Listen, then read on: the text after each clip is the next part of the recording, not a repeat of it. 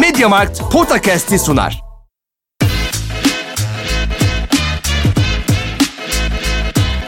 Potakast. Kaan Kural ve Orkun Çolakoğlu'yla NBA gündemine haftalık bir bakış.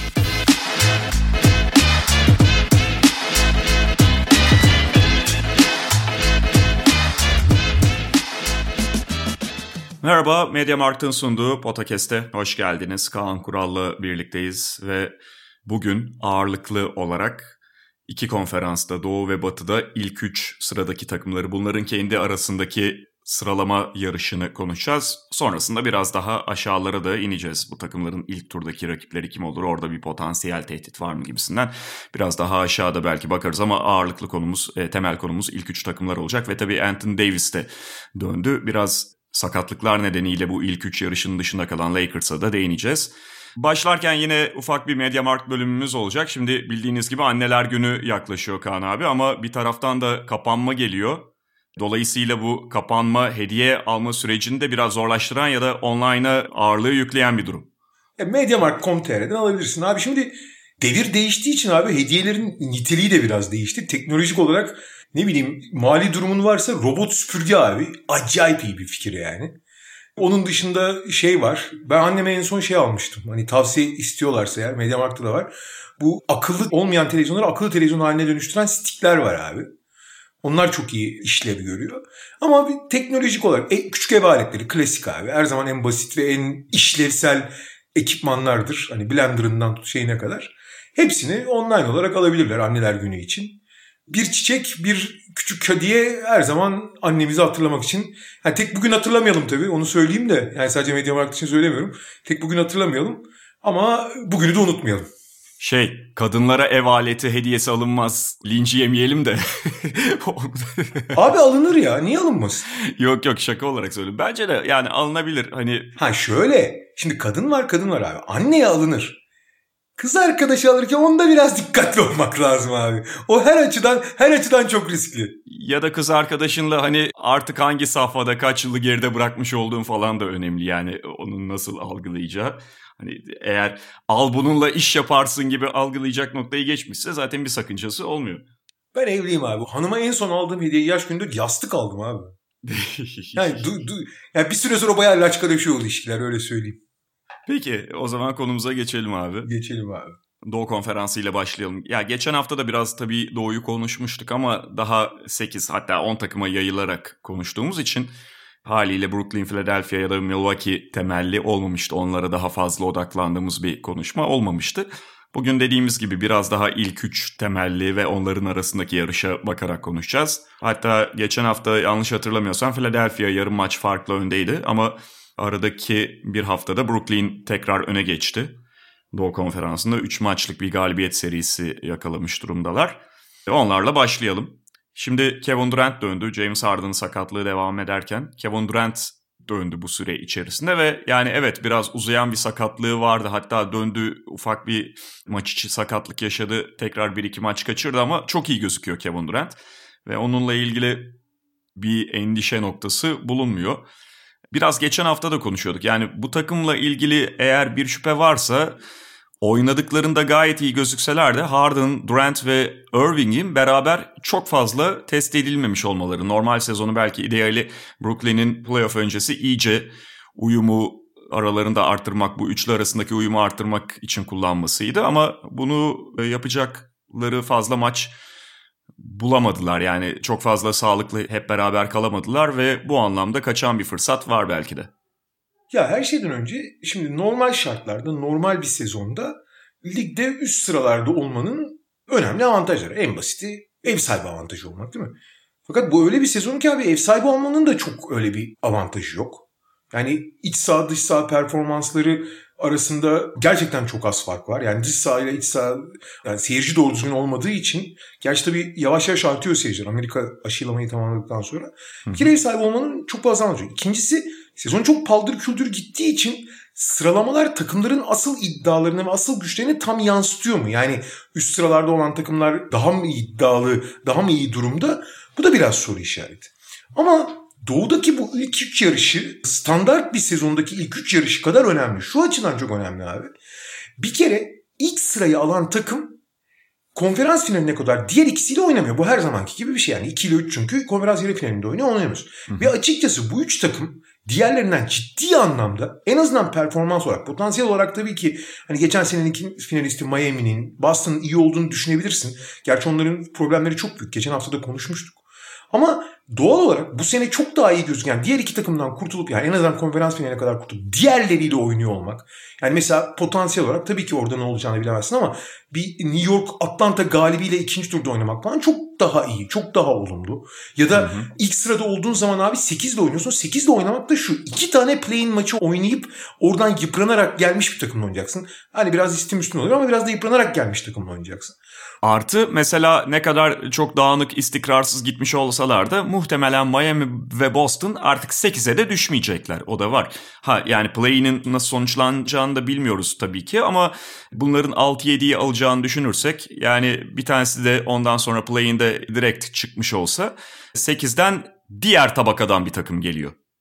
Şimdi o yüzden bir olmak yani normal bir sezonda olduğundan daha az anlam ifade ediyor gibi olabilir. Ki birazdan Batı'da konuşurken onu konuşacağız zaten. Ama Doğu Konferansı için bu ilk üç yarışı sezon sonuna kadar bence çok kritik olacak. Şimdi sezonun sonunda da kaldı 10 maç. Brooklyn'in 10 maçı, Philadelphia'nın Milwaukee'nin 11 maçı var. Aha. Brooklyn şu anda 1,5 maç önde şeyden Philadelphia'dan Milwaukee'den 3,5 maç önde.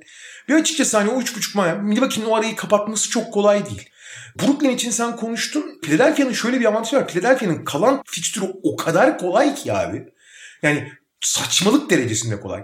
Şöyle en güçlü rakiplerini söylüyorum abi sana. İki kere Atlanta ki Trey Young'ın olup olmayacağı belli değil. Hı hı. Bir San Antonio bir Miami. Bundan daha iyi üst düzey maçı yok. İki tane Orlando, Detroit, Chicago, New Orleans, Houston falan acayip bir takvim var şeyin. Philadelphia'nın. Yani sağlıklı olduğu sürece Philadelphia fikstür olarak çok avantajlı. Ama Hı. şeye göre dönersek yani takımların durumuna. Abi Brooklyn'de özellikle şimdi Durant abi sezonun yarısından çoğunu kaçırdı. Döndü tekrar sakatlandı. Şimdi Aşil'den ilk döndüğü zaman gördük ki sanki hiç sakatlanmamış gibiydi ve bu çok en büyük yani müjdeydi belki de Brooklyn için. Fakat sezon içinde iki kere daha sakatlanınca şimdi hep şey oluyor biliyorsun sakatlığı tam olarak atlatsam bile vücut sakatlanan bölgeyi korumak için, kompanse etmek için başka bölgelere daha fazla yönelen başka tür sakatlıkları çok daha fazla tetikleyebiliyor. Hı hı. Biraz bu endişe yaratmıştı yani Durant'te böyle bir durum var mı diye. O hamstring'in yani işte baldır lifinin atması yani esas büyük sakatlık böyle bir ihtimalden tetiklenmiş olabilir. Ama daha sonra ikinci yaşadığı sakatlık yani 3 maç kaçırmasına neden olsa tamamen bir darbeyle alakalı. Onun hiç alakası şey yok. Yani eski sakatlığıyla alakası yok. Ve açıkçası döndü abi döner dönmez yine Durant gibi döndü. Şimdi Durant de öyle bir herif ki abi. Brooklyn'le ilgili en büyük endişeni sen de dile getirdin. Bu oyuncuların bir arada oynayamamış olması. E sezon ortasında eklenen şeyi falan da düşünürsen, Blake Griffin'i falan da düşünürsen, e Nicholas Claxton'ı daha fazla kullanmaya çalışıyor. Gerçi o da ufak bir sakatlık yaşıyor şu anda. E Şamet sezonu başıyla şu anki Şamet arasında büyük fark var. Rotasyon da değişti ama bir türlü tam rotasyonunu bir arada kullanıp hani tamam bu oyuncular birbiriyle oynayabiliyor onu gördük de Abi bir detayları cilalamak, bir şampiyonluk havasına girmek, bir ritim kazanmak, bir akıcılık kazanmak gerekmez mi diyorsun? Bu en büyük endişe. Ama diğer tarafta da bakıyorsun abi. Abi şimdi Durant öyle bir oyuncu ki diğer bütün süper yıldızlardan biraz daha var. Ne zaman nerede koyarsan tak diye uyuyor yapıya. Çünkü yani yaptıkları yapabildikleri belli. Yani yetenek seviyesinden bağımsız söylüyorum. Oynadığı rol itibariyle. Şak diye koyuyorsun abi. Her role, her takıma parçanın yanına anında uyum sağlıyor. Ha ideal mi, optimize mi çok değil tabii ki yani o bir süreden sonra olur. Ama şimdi Durant sağlığına kavuştuğu anda işte Kyrie zaten olağanüstü bir sezon geçiriyor. Genel itibariyle arada kaçırıklarını bırakırsan. E bütün yan parçalardan hatta ve hatta biraz Blake Griffin'den bile yani Detroit'teki halinden farklı bir en çok hareketli olması da biraz daha en azından sahada direkt gibi durmayan bir Black Griffin var. Abi Bruce Brown'undan Joe Harris'ine son dönemde Landry Shamet'inden bir tek belki DeAndre Jordan hariç herkesten muazzam bir verim alıyorlar. Acayip bir hava yakalamış durumdalar. İdeal olmasa da bu oyuncuların henüz bir arada olmamış olması şu anki görüntüleri evet savunma çok problemli. Hala çok problemli. Ama abi durdurulamaz ve alternatifi şey olmayan yani e, herhangi bir şekilde alternatif yaratmakta hiç sorun çekmeyen, oyun sıkışmadan da üreten, oyun sıkıştığında da acayip çözüm üretebilen tek kelimeyle akıl almaz bir hücum seviyesi abi bu. Yani o yüzden şaşkınlık içindesin. Herkesin sağlıklı olduğu varsayımında da şöyle bir durum var ekstradan. Pek çok takımın sahip olmadığı bir lükse sahipler abi. 3 süper yıldızın ikisini aynı anda 48 dakika boyunca sahada tutabilirler. Dakikaları iyi ayarladığın zaman.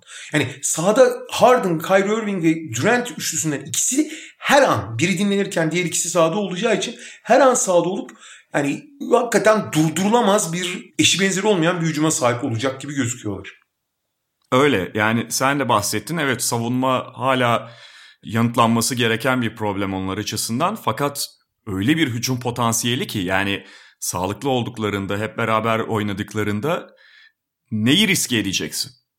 Tabii. Yani bunun bir yanıtı yok Brooklyn'e karşı. Harden'a double team mi götüreceksin? Götür istersen. Houston'da bile Harden doğru pası verip cezalandırmasına bırakıyordu takım arkadaşlarının. Orada zaman zaman takımın kalanının kapasitesi belki yeterli olmuyordu. E şimdi sahanın diğer tarafında Kyrie Irving, Kevin Durant yani bunlardan senin söylediğin gibi en azından biri çoğu zaman ikisi birden varken işte Jeff Green varken Joe, Joe Harris, Harris varken şutörler yani çok keskin şutörler, iyi devrilen oyuncular Ondan sonra Shamit yine başka bir şutör ve her şeyin başında Kyrie Irving ve Kevin Durant varken sen nasıl herhangi bir oyuncuya double team götüreceksin ki? Yapamazsın bunu. Switch üstünden sadece savunma yapmaya kalksan bir sürü şey var zaten. Birebir silah var. Yani uzunu Kyrie Irving'in karşısına bir şekilde aldılar diyelim. Geçmiş olsun. Harden'ın karşısına aldılar diyelim. Çok zor. Kevin Durant bir eşleşme yakaladı diyelim biraz kısa bir oyuncuyla. Ne yapacaksın? Sürekli yardım götürmek durumundasın. E sürekli boş şutu buluyorlar zaten. Hepsi iyi pasör. Çok zor bu takımı yani savunmak teorik olarak imkansız. Hani bütün modellemeleri yapıp matematiği delik deşik edip ondan sonra şurada bir ihtimal var diye konuşup planını yapıp ondan sonra da bekleyeceksin. Ama bir noktada hakikaten Brooklyn oyuncularının insafına kalıyor rakip bütün takımların savunması. Ve yani sağlıklı oldukları senaryoda bir de şey var abi sen de saydın. Şimdi Jeff Green böyle oynarken, Joe Harris böyle şut atarken yani yapabileceğin hiçbir şey yani ne yapacaksın abi? Kimi riske edeceksin ya? Ha, Joe Harris'in şutunu riske edebilirsin. Edemezsin abi. NBA'nin en iyi nokta şutörlerinden biri. E Jeff Green abi devrilerek oynuyor, şut atabiliyor, açılıyor. Sahayı çok açan bu kadar oyuncu varken, oyun her sıkıştığında çözüm üretebilen Durant, Kyrie falan varken, Harden gibi her pas açısını gören biri varken hakikaten teorik olarak savunulamaz bir takım bu. Yani hakikaten. Ha ne yapacaksın abi? Boy alanına sürekli saldıracaksın. Yani çünkü rakibin boy alanı yani hem rebound hem şey konusunda boy alan savunması konusunda çok problemli aynı zamanda Brooklyn. Gerçekten çok problemli yani ama yetişebilir misin o büyük soru işareti. Öyle yani e, bir ihtimal demeyeyim de ona. Yani sonuçta video oyunu değil gerçek basketbol. Doğru. Ve zaten en başından beri bizim de dile getirdiğimiz bu takımla ilgili en büyük soru işareti kimya noktasında meydana çıkıyor. Şimdi bugüne kadar o yönde bir sorun yaşayacak gibi gözükmediler ama işler kötü giderken esas olarak takımlar karakter testine giriyorlar ve evet bu takıma karşı savunma yapmak çok zor ama bu takımın da savunması problemli. O problemli savunmaya karşı çok verimli hücum edebilen takımlar Brooklyn'in psikolojisini ve ona bağlı olarak kendi hücumunun bozulmasını da sağlayabilir. Bunu yapabilirler mi? Ne kadar sürekli olarak yapabilirler? Ne kadar bir seride 4-5 maça yayabilirler? Onu şimdilik bilemiyoruz ama Brooklyn'de savunmasına vurmanız gerekiyor. Onların zayıf noktasına vurmanız gerekiyor. Oradan bir arıza çıkması muhtemel olabilir Brooklyn açısından. Hocam Brooklyn şey demiş. En iyi savunma hücumdur demiş. Sen de Brooklyn'e karşı aynı şeyi demek zorundasın abi. Çekilmeyeceksin abi. Hayır işte aynen. Çekinmeyeceksin abi. Söylediğine otobüsü çekmeyeceksin abi. Sen Önde de basacaksın. Sen de hücum yap. karşı öyle. aynen. Şimdi diğer iki takım dediğim gibi Philadelphia'nın fikstürü anormal kolay olduğu için birinci sırayı alabilir mi? Brooklyn tökezler mi? Bu bir soru işareti. Çünkü Philadelphia'nın gerçekten hani kalan takım fikstürü çok kolay. Ama arada da bir buçuk maç var. Fakat şöyle bir şey var şimdi. Philadelphia'da kendi sakatlık problemleriyle boğuştu son dönemde sezon boyunca sağlıklı olan çok iyi bir performans gösteren hakikaten yani All-Star sınırında oynayan Tobias Harris sakattı. Neyse iyileşti. Joel Embiid iyileşti. Ben Simmons iyileşti. Büyük oranda sağlıklarına kavuştular. Şimdi onların sağlıklı olduğu senaryoda da ne kadar etkili olabildiğini, ne kadar fizikle oynayabildiklerini ve açıkçası potansiyel olarak da ligin en iyi savunma takımı olabilecek bir potansiyele sahip olduklarını biliyoruz. Hı hı. Fakat Şimdi bu üç takımı bir arada düşündüğün zaman hani öyle ya da böyle birbirinin yollarına çıkıp çıkamayacaklarını, birbirine nasıl eşleşeceklerini düşünüyoruz. Bu kadar fizikli olmasına rağmen Philadelphia çok fazla fiziğiyle oynayan, daha doğrusu boyalı alandan oynayan bir takım değil abi. Tam tersine Milwaukee belki Philadelphia kadar fizikli değil ama onlar çok daha fazla boyalı alanı zorluyor. Ben o yüzden abi bu hani playoff geldiği zaman en merak ettiğim eşleşme Brooklyn Milwaukee olur ya. Milwaukee de hani zaten iyi şütörlere sahip ama acayip boyalı alana giren bir takım. Başta Yanis olmak üzere yani. Milwaukee Brooklyn hakikaten çok ilginç bir eşleşme olur yani. Stil farklılıkları açısından. Ama şey görünersek Philadelphia'ya. Philadelphia'nın playoff yani şu ana kadar tabii Embiid'in olağanüstü performansının sırtına gittiler. Ona Tobias Harris bu sezon muazzam katkı veriyor. Çok geniş bir kadroya sahipler. Matisse Tybul gibi bir savunma canavarını da kullanabiliyorlar. İşte Shake Milton gibi eline geleni daha çok atmaya çalışan bir dış oyuncuyu da. Furkan gibi nokta şütörü de. Ne bileyim Seth Curry gibi bu sezon hiç isteneni veremese de artık ikinci oyun kurucu konumuna gelmiş elit bir şütörleri var. Bu sene istenen performansı veremiyor belki ama o var. E, Green gibi fizikli, çok disiplinli, oyun yapısından hiç düşmeyen bir kanat oyuncusuna sahipler. Şampiyonluk tecrübesine sahip. Üstüne üstlük Danny Green iyi sezon geçiriyor abi. Hı-hı. Gerçekten iyi sezon geçiriyor yani kendi standartlarında. Ama şunu düşünsene abi. Şöyle bir beşte zaman zaman sahada yer alma ihtimali var Philadelphia'nın. Ben Simmons, Matisse Taybul, Danny Green, Tobias Harris ve Joel Embiid. Evet. Abi bu müthiş bir savunma beşi ya. Olağanüstü bir savunma beşi. Yani hakikaten fizikleri, kolların uzunluğunu, büyüklüklerini, çabukluklarını, savunma sezgilerini falan düşünürsen inanılmaz bir savunma beşi abi bu. Biraz switch konusunda belli sorunları olabilir. Yani switch modern savunmanın en üst seviyesi olan yani en iyi stratejisi olan switch savunması yapmak konusunda Joel Embiid'in olduğu senaryolar Tobias Harris de biraz oynatamıyor. Tobias Harris de belli savunma zaafları yaratabiliyor ama abi e, teorik olarak bu kadar fizikli, bu kadar savunma özellikleri gelişmiş bir beş de kolay kolay bir araya gelmez abi.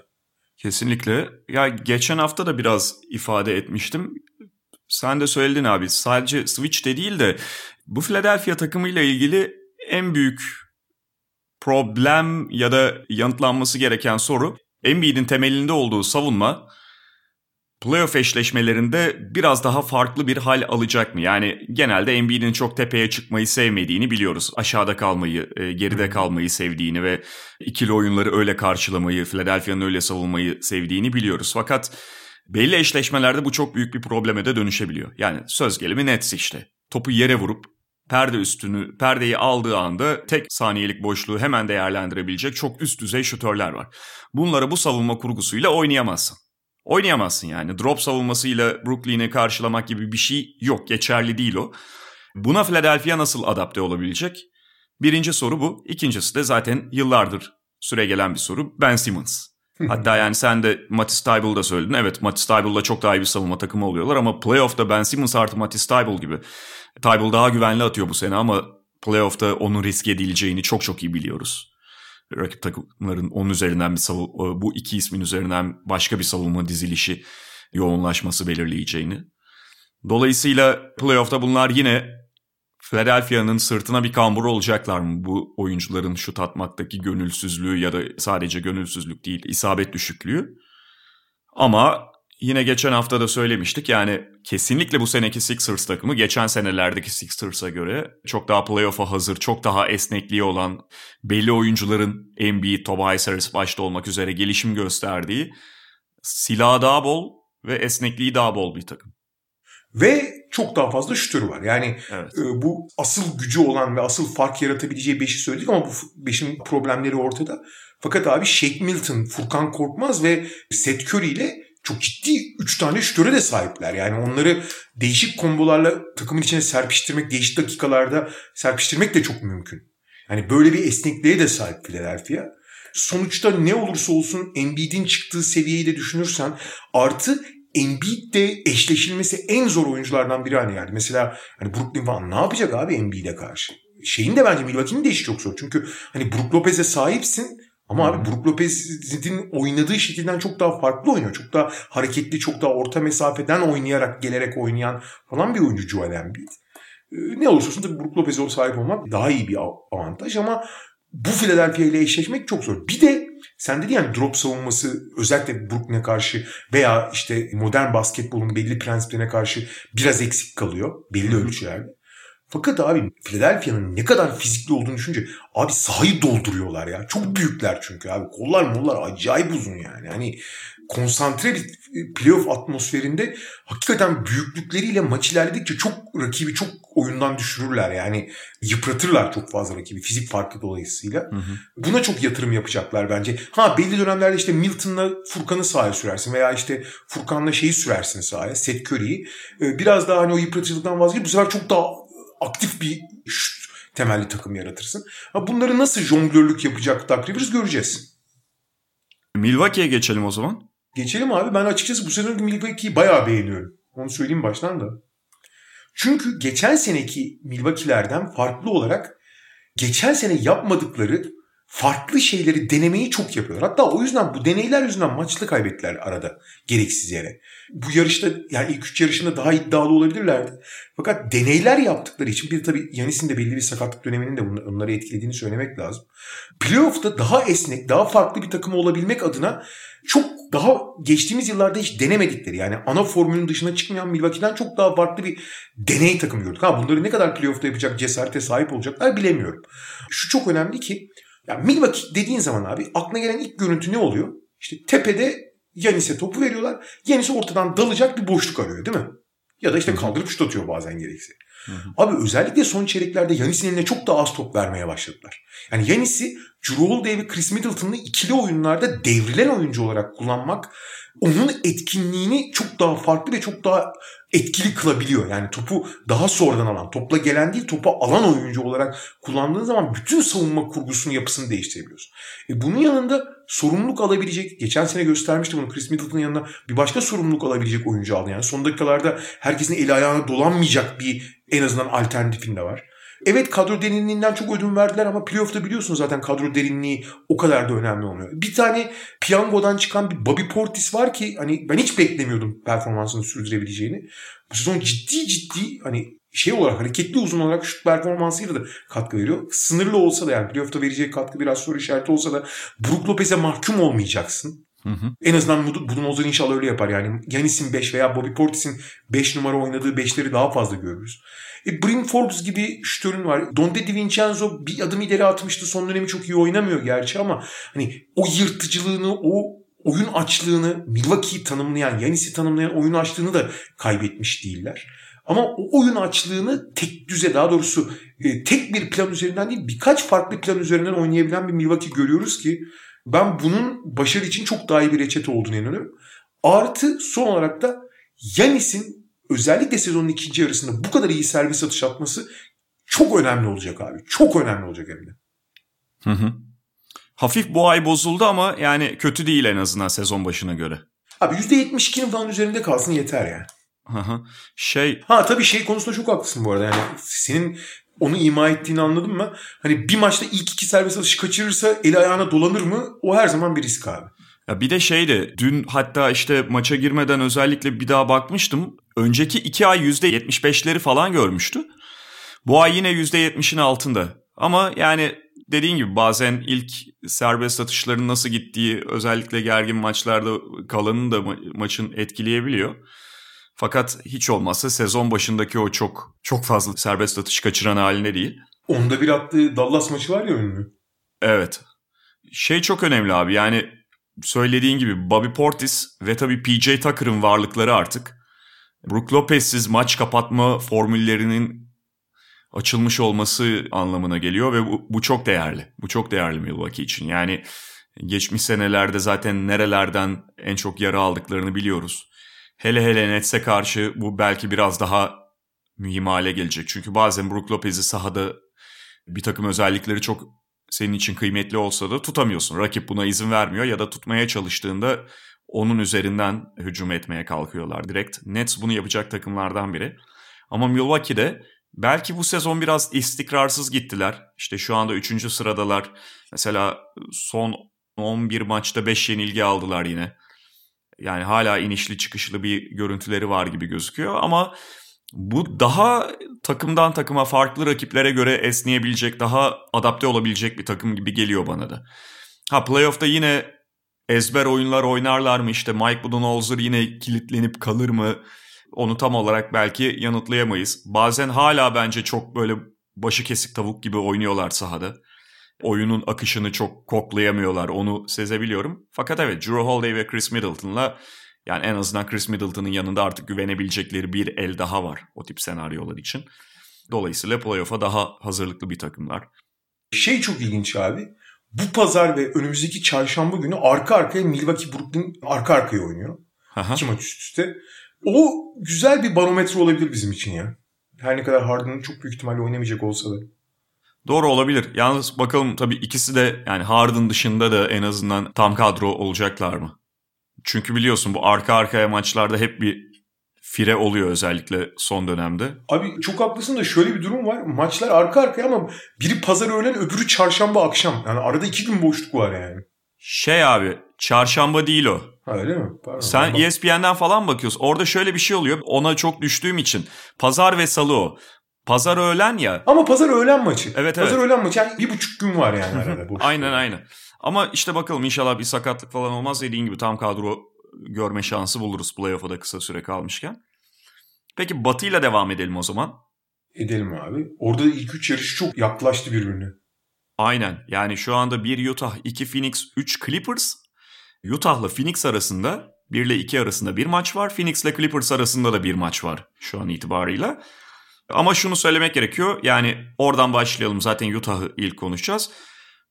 Utah Jazz'ın kalan fikstürüne bakıldığında çok da yakalanırlar gibi gözükmüyor bana. Bilmiyorum sen ne düşünüyorsun?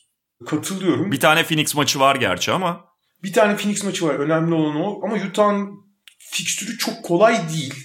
Yani çok cepte olan bir Oklahoma City bir Houston maçı dışında çok kolay maçı yok. İki tane Sacramento var ama Sacramento tehlikeli olabiliyor zaman zaman. Gerçi iki tane Minnesota'ya verdiler üst üste. Toplam 3 maçı da kaybettiler bu sezon Minnesota'ya. Evet evet yok son ikisi üst üste geldiği için söylüyorum yani. Ha. Acayip bir şey o da abi. Yani NBA birincisinin batı sonuncusuna 3 maçı 3 maçın 3'ünü de veriyorsun. Ama şey var abi ya Utah söylediğin gibi Phoenix'in fikstürü daha zor ona da bakarız şimdi. Tabii tabii Phoenix'in fikstürü zaten o aradaki en zor fikstüre Phoenix sahip. Fakat Phoenix'in şöyle bir avantajı var. Phoenix hem Utah'la hem Clippers'la oynayacak. Yani Hı hı. biraz kendi kaderini çizecek gibi o arada. Yani e, kaderi çizmek mi dersin ya da en azından ikisine karşı da boyunu ölçecek gibi söyleyeyim. Clippers'ın şöyle bir şey var. Clippers'ın 9 maçı kaldı bir de.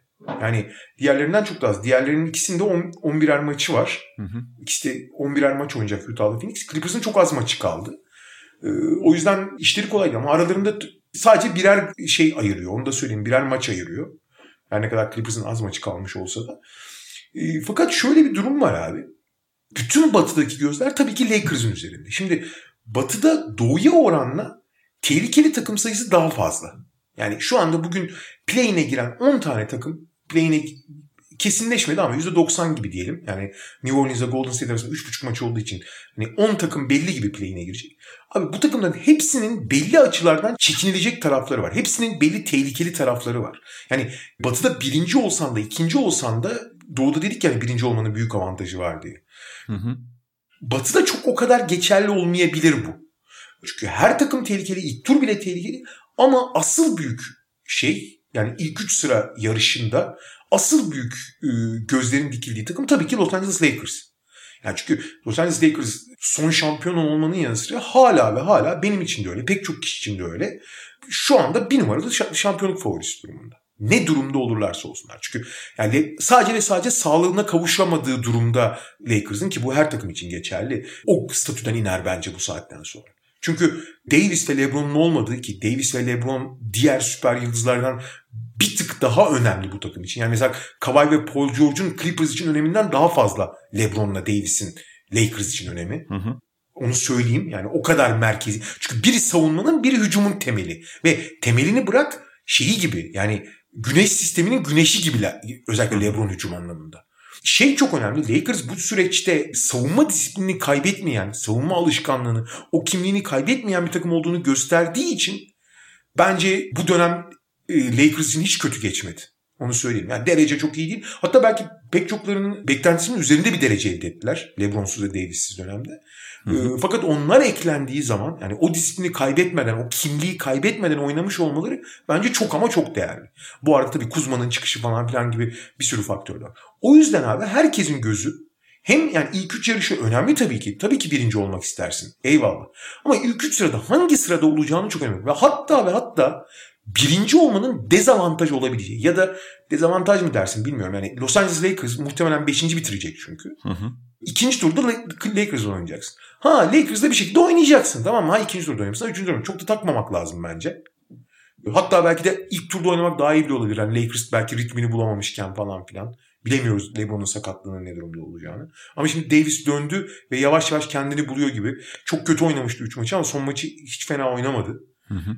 Ama bu yüzden birinci olmanın doğuya oranla şey yani birincilik yarışında birinciliği çok takacağını zannetmiyorum takımların. Yani birinci olmanın o kadar da büyük bir önemi var. Tabii ki şey hani e, namın yürür abi. Birinci olmak istersin tabii ki. Yani kimse istemeyecek diye bir şey yok. Ama birinciliğin getireceği avantaj o kadar fazla mı bir soru işareti. Burada daha çok bu üç takımın yani Utah, Phoenix ve Clippers'ın gerçekçi olarak ne kadar iddialı olduğuna bakmak lazım bence. Bakalım. Peki Utah'la başlayalım. Hı hı.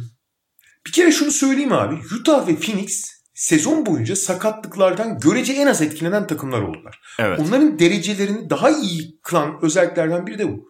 Ve şu anda belki Donovan Mitchell sakat ama dönecek. Ee, ben açıkçası Utah içinde, Phoenix içinde ger yani bir şampiyonluk adayılar mı?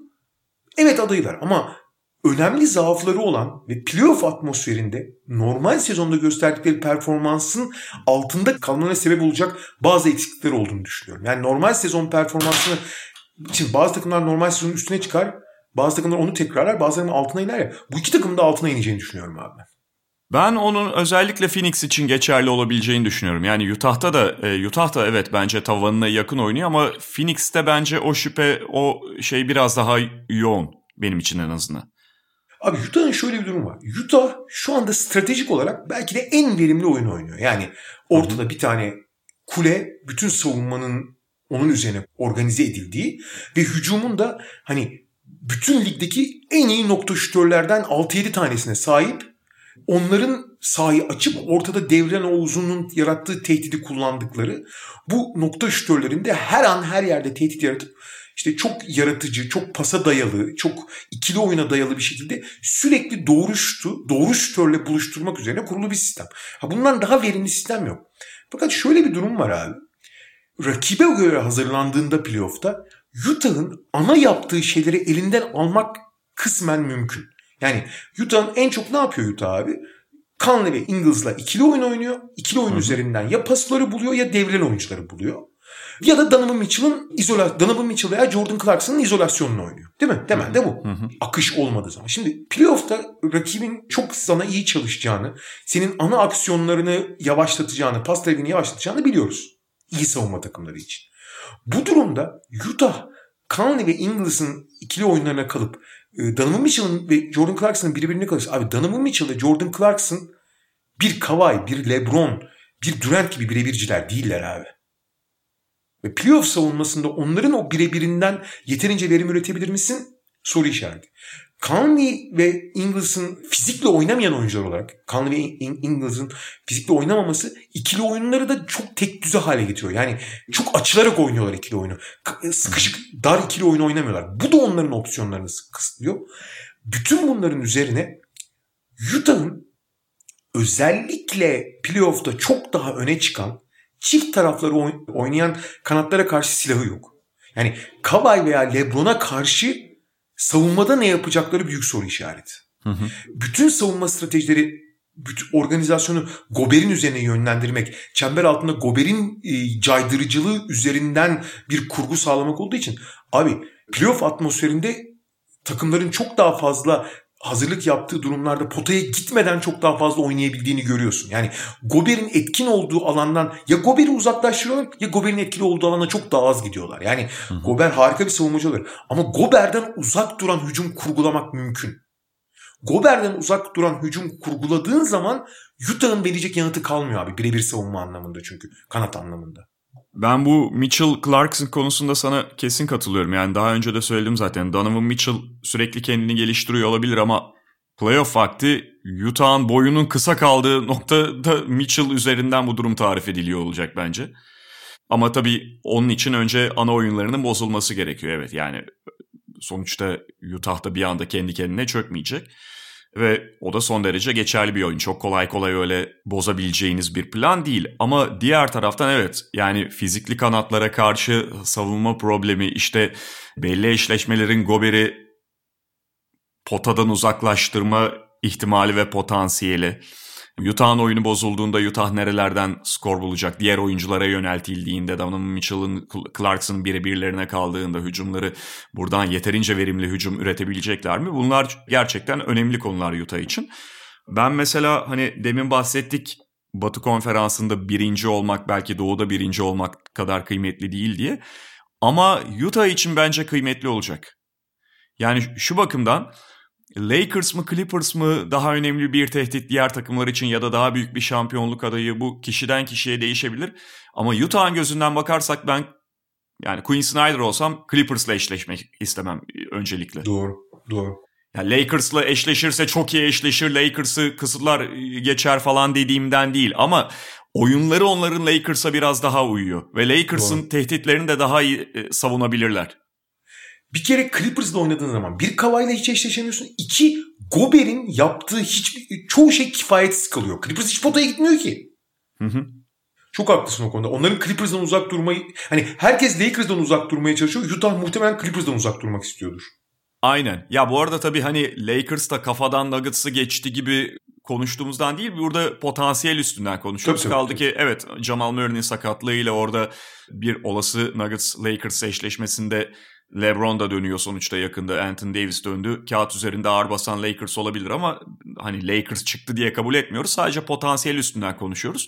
Kaldı ki yani yok için de Gober'e ve Utah'a ters gelen tarafları olduğunu biliyoruz ama onu da tercih eder bence Clippers'la eşleşmektense. Bir ikinci turu eşleşmesinde.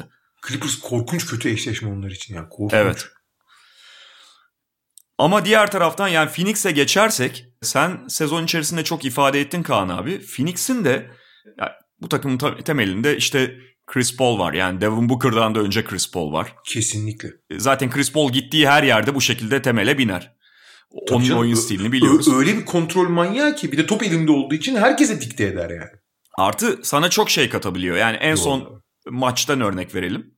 Knicks'le acayip bir maç oynadılar. Yani normal sezonun bu normal sezonda benim tanık olduğum en kaliteli maçlardan biriydi.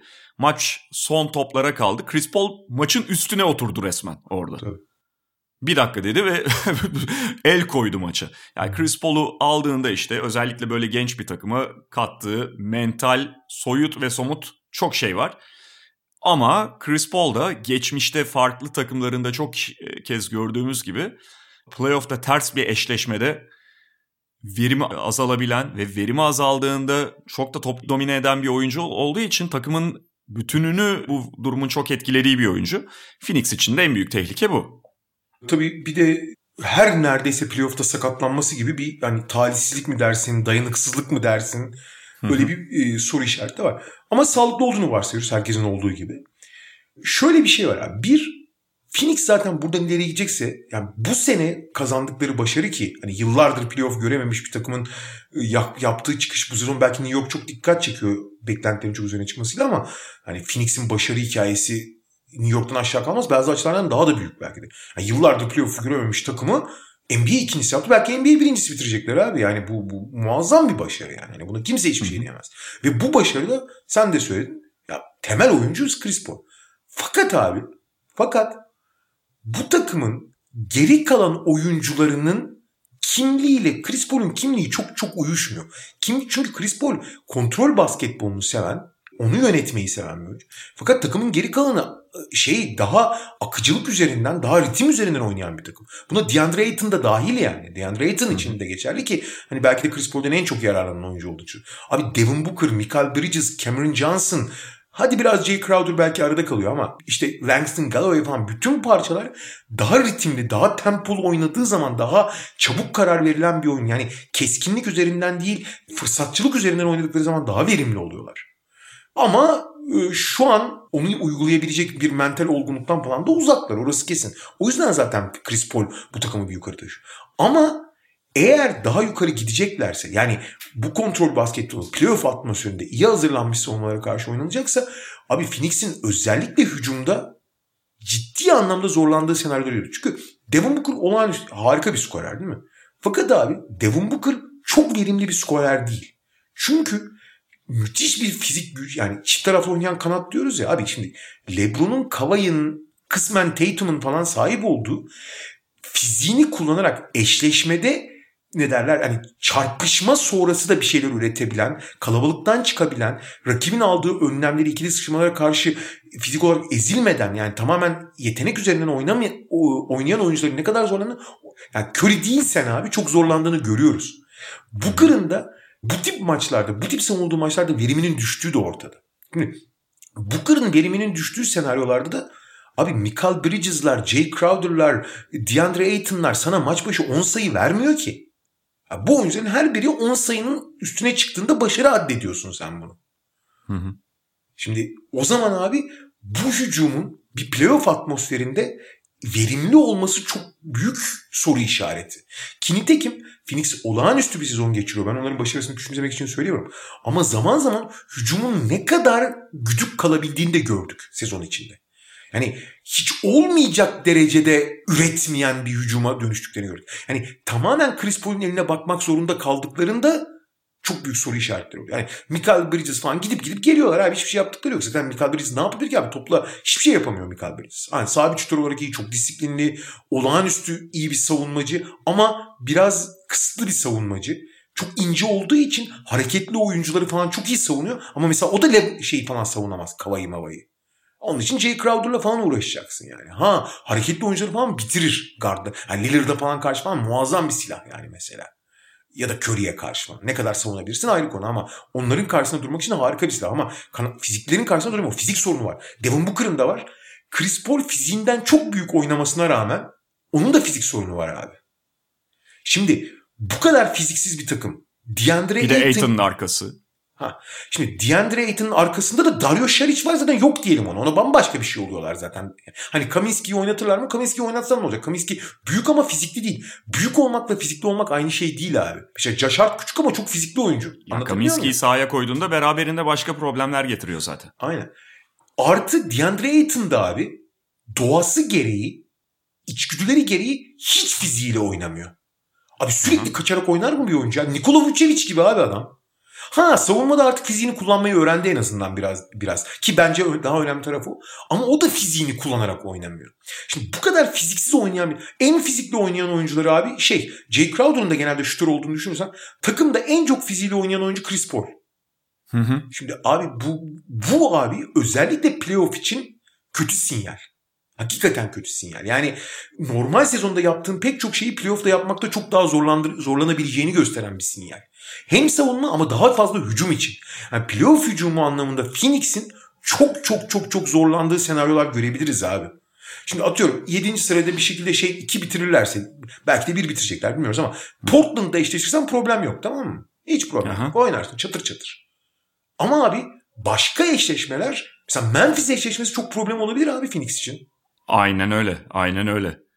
Ve ben sana bir şey söyleyeyim. Madem konu açıldı bence Memphis 7. bitirecek. Bence de. Memphis zaten şimdi Jaren Jackson... Yani şey olacak. Play'inde de ilk şeyde tokadı vurup 7'yi alacak ondan sonra. Tabii. Ve çok problem olabilir Phoenix için mesela. Ha Portland'da eşleşsen güle oyna. Portland çok iyi bir eşleşme. Ama Phoenix'in abi böyle belli eşleşmeler iyi, belli eşleşmeler kötü diye bir lüksü olamaz abi eğer daha iddialı olmak istiyorsan. İddialı takımların öyle bir lüksleri olamaz zaten yani. İyi eşleşme gelirse oynarız. On gelmezse hadi bakacağız duruma diyemezsin abi. Valla Phoenix için ilk tur için konuşursak Dallas biraz daha iyi bir şey ama orada da işte Doncic yani bu defa da Ayton değil Doncic'i nasıl savunacağım konusu açılacak. Clippers şöyle sen az önce fikstürlerinden bahsettin. Tek konu yani birinciliği alacak kadar bence kendilerini zorlamayabilirler. Bence de. Ki şu sıra işte zaten eksik devam ediyorlar. Kawhi Leonard'ın sakatlığı var. Serge Ibaka dönecek ama Ibaka'nın da bir bel problemi nedeniyle uzun süre kaçırdığını ve bunun bir korku yarattığını söyleyelim. Patrick Beverly işte de. Beverly zaten bütün sezon neredeyse oynayamadı. Beverly sürekli sakatlandı. Şu anda yine Ve sakat. Be- Beverly ile ilgili şöyle bir yani şimdi sen Serge Ibaka ile ilgili belden dolayı endişeni belirttin. Esas abi Beverly bu sezon dönüp iki maç üst üste sağlıklı kalamadı abi. O yani onun durumu çok daha endişe verici bence.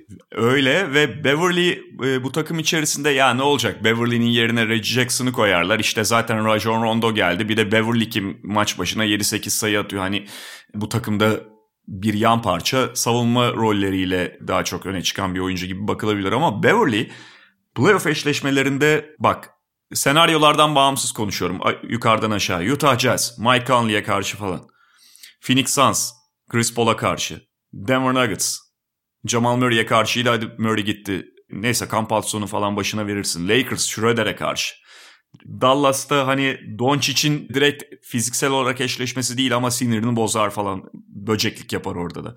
Portland, Lillard'a karşı, Memphis, John Morant'e karşı. Yani bu oyunculara karşı birebir eşleşmelerde playoff'ta Beverly'nin hep kıymeti var. Sağlıklı Kesin. Beverly'nin ama. Kesin. Ve oynamadığında da onun alternatiflerinin aynı işi yapamadığını tecrübe edebilir Clippers. Clippers'la ilgili iki tane asıl büyük sorun var. Geçen seneye de şampiyonluk için en büyük favorilerden biri olarak girmişti. Benim için birinci favoriydi. Hiç öyle olmadığını gördük. Birincisi abi geçen sene ortaya çıkan takımın çok kraker gibi dağılabilip yani işler kötü gittiği anda hiçbir şampiyon karakteri falan gösterememesi. Yani bu tartışmasız en büyük problemdi. Yani elleri ayaklarına olandı. Abi Paul George'un iki tane panyanın yanına, yana attığı top var. Yani onun teknikle falan açıklaması yok. O tamamen dağılmak. Abi 3-1 öne geçtikleri Denver serisinde kalan 3 maçı 15'er sayıdan verdiler sürekli. Hı-hı. Şimdi normal sezon değil abi. Playoff'ta 15 sayıdan neye maç veriyorsun yani? Nereye maç veriyorsun? Hani korkunç bir dağılma süreci ki hatırlayacaksın Dallas serisini de 6 maç oynadı. 5'ini Kavay kurtardı abi. 5'ini Kavay en iyi oyuncu olarak oynadı. Yani Kavay kurtardı o seriyi de aslında büyük oranda. Kavay'ın sırtına hani 2019 Toronto gibilerdi abi. Kavay'ın sırtında gidiyorlardı yani. Hani abi şampiyonluk adayı takım bu kadar tek kişiye bağlı olur mu? Nitekim Kavay da özellikle 7. maçta Denver 7. maçında istenen ikinci yarıda hiç isteneni veremeyince dağıldılar. Bu sene fakat bu onlara iyi bir tokat oldu. Bu sene o konuda çok daha geçen sene bir de şey gibilerdi abi. Kofti pehlivan gibilerdi. Yani herkese dikleniyorlar. herkese yeneriz. Bu sene dersini almış bir takım var. En azından bunu yaş tecrübe böyle bir şey ya. Bunu yaşadık da görüyorsun. Ee, bu son saniyelerde top kullanırken psikolojilerinin bozulmayacağının garantisi değil. Ama en azından gördüler bunu yaşadılar. Artık bu kadar şey olmayacaklardır. Yani gözleri fener görmüş geyik gibi olmayacaklardır yani.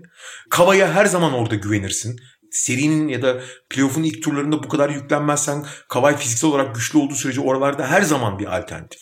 E Paul George'a bakıyoruz abi. Paul George sezon ortasındaki sakatlık dönemini ara çıkarırsan abi sezona çok iyi girmişti hatırlayacaksın.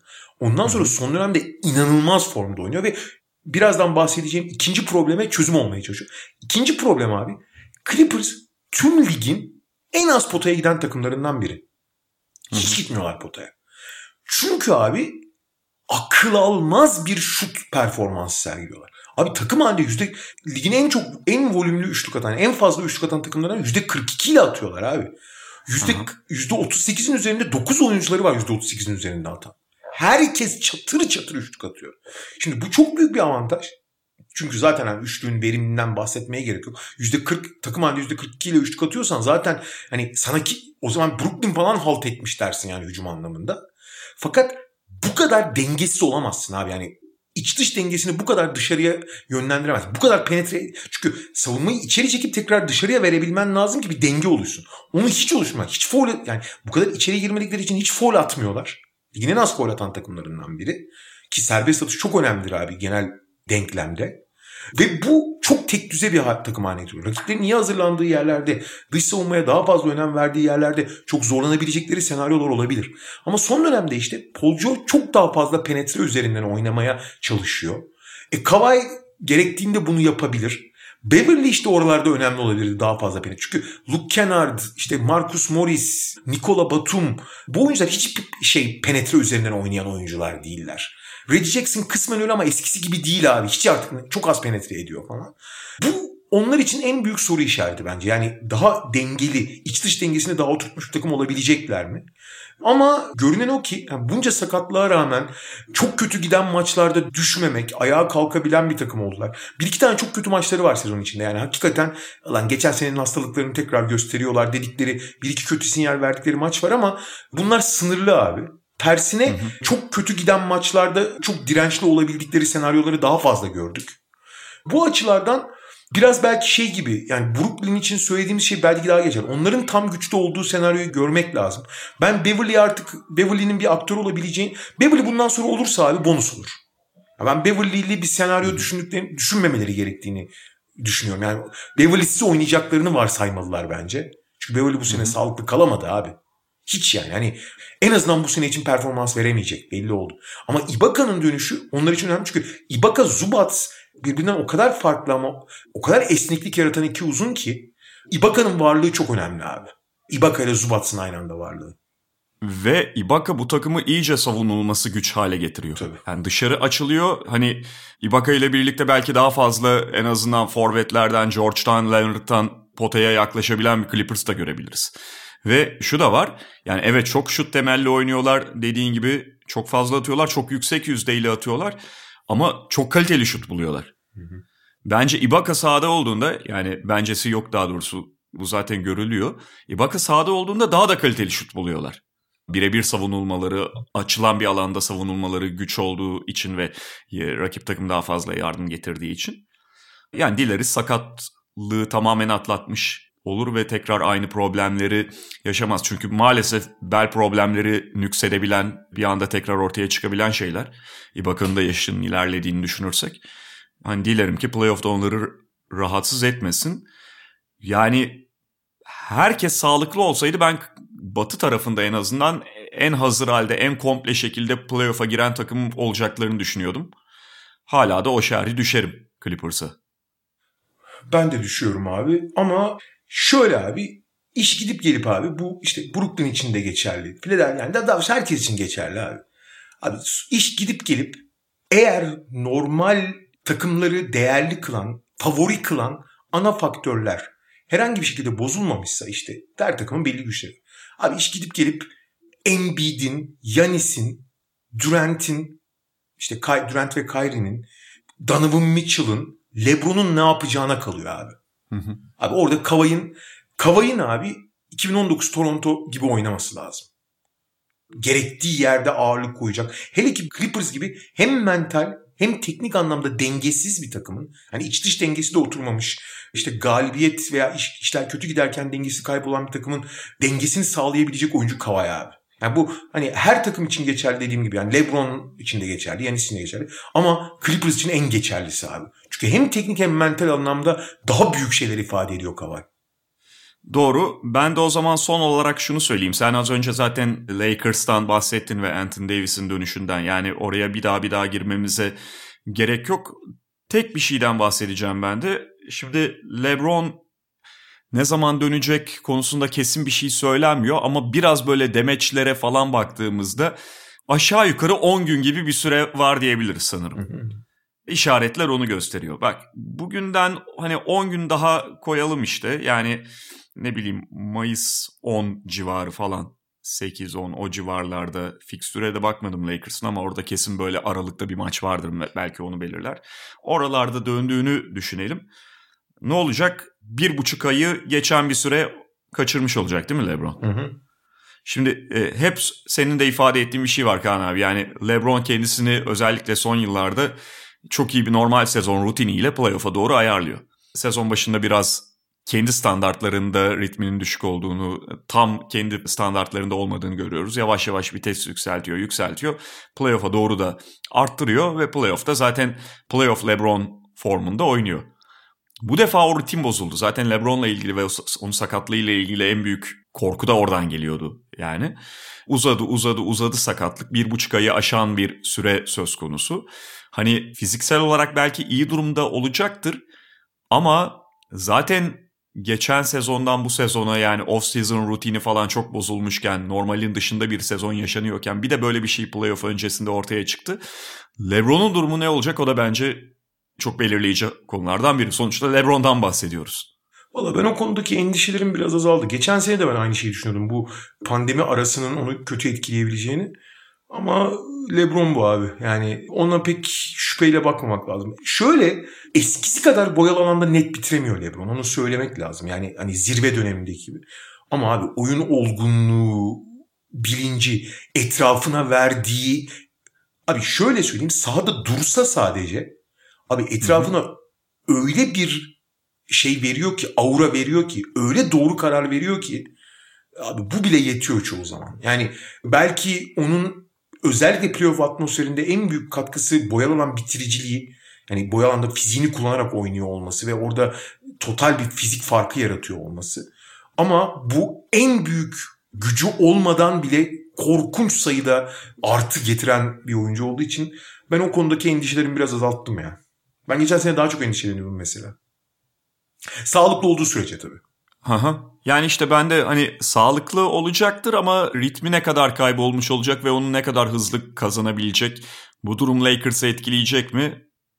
Ona net bir yanıt veremiyorum. Hı. Ama bakalım göreceğiz. Peki ekleyeceğin bir şey var mı? Yok abiciğim. Bugünlük bu kadar diyelim o zaman. Mediamarkt'ın sunduğu podcast'te sizlerle birlikteydik. Haftaya tekrar görüşmek üzere. Hoşçakalın. Hoşçakalın. Mediamarkt Podcast'i sundu.